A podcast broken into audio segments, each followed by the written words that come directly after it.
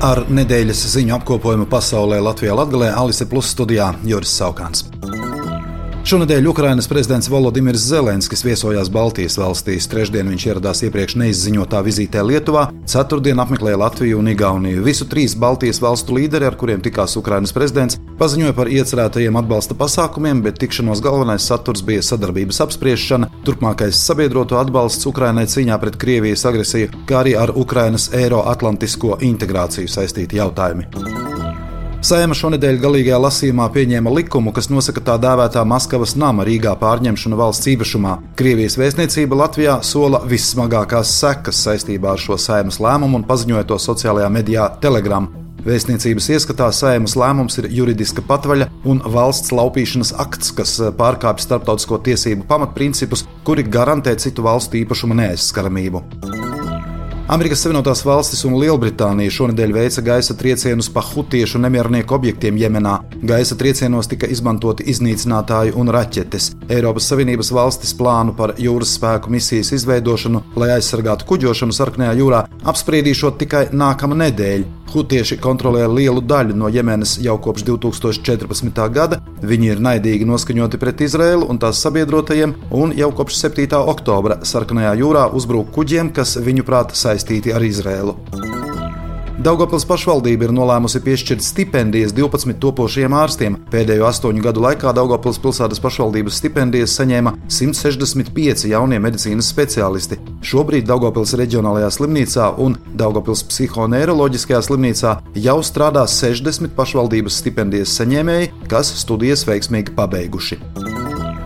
Daugopils izsludinājusi iepirkumu industriālā parka būvniecībai Locikos. Plašāk par to pastāstīs Daugopils valsts pilsētas pašvaldības domas, pilsētas saimniecības un attīstības komitejas priekšsēdētājs Igors Aleksējevs.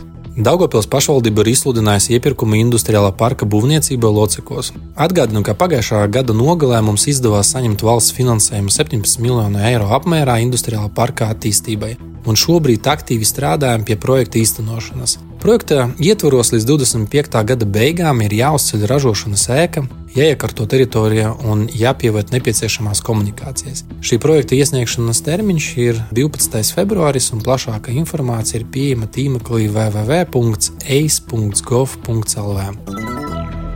Arī šajā gadā Daugoplieši, kuri vēlas pieslēgties centralizētajiem ūdensvadu un kanalizācijas tīkliem, varēs saņemt pašvaldības līdzfinansējumu šo darbu veikšanai, taču tagad tas ir uzpūsi samazināts. Ja līdz šim fiziskajām personām bija pieejams atbalsts 4000 eiro apmērā, tad tagad tie būs 55% no izmaksām un ne vairāk kā 2000 eiro. Finansējums 100% apmērā, bet ne vairāk kā 4000 eiro vienam pieslēgumam būs pieejams personām ar invaliditāti, trūcīgām un maznodrošinātām mājsaimniecībām, daudz bērnu ģimenēm un personām, kas sasniegušas 90 gadus. Sestdien un Svētdien Daugopilī ar valsts pilsētu saskaņotās teritorijās norisinās Zemesardzes 3. Latgales brigādes 34. kājnieku bataljona zemesargu plānveida mācības. To laikā Daugopils valsts pilsētas teritorijā pārvietosies militārā tehnika un zemesargi ar strēlnieku ieročiem. Tie izmantos mācību munīciju un kaujas imitācijas līdzekļus, kas rada troksni, bet neapdraud cilvēkus. Tomēr, atrodot mācību vietās nezināmus priekšmetus, tos aiztikt vai pārvietot aizliegts. Studijām bija Juris Saukāns par nedēļas ziņu pasaulē Latvijā Latgalē saturu atbildes Jā Alise Plus projektu finansē Mediju atbalsta fonds no Latvijas valsts budžeta līdzekļiem.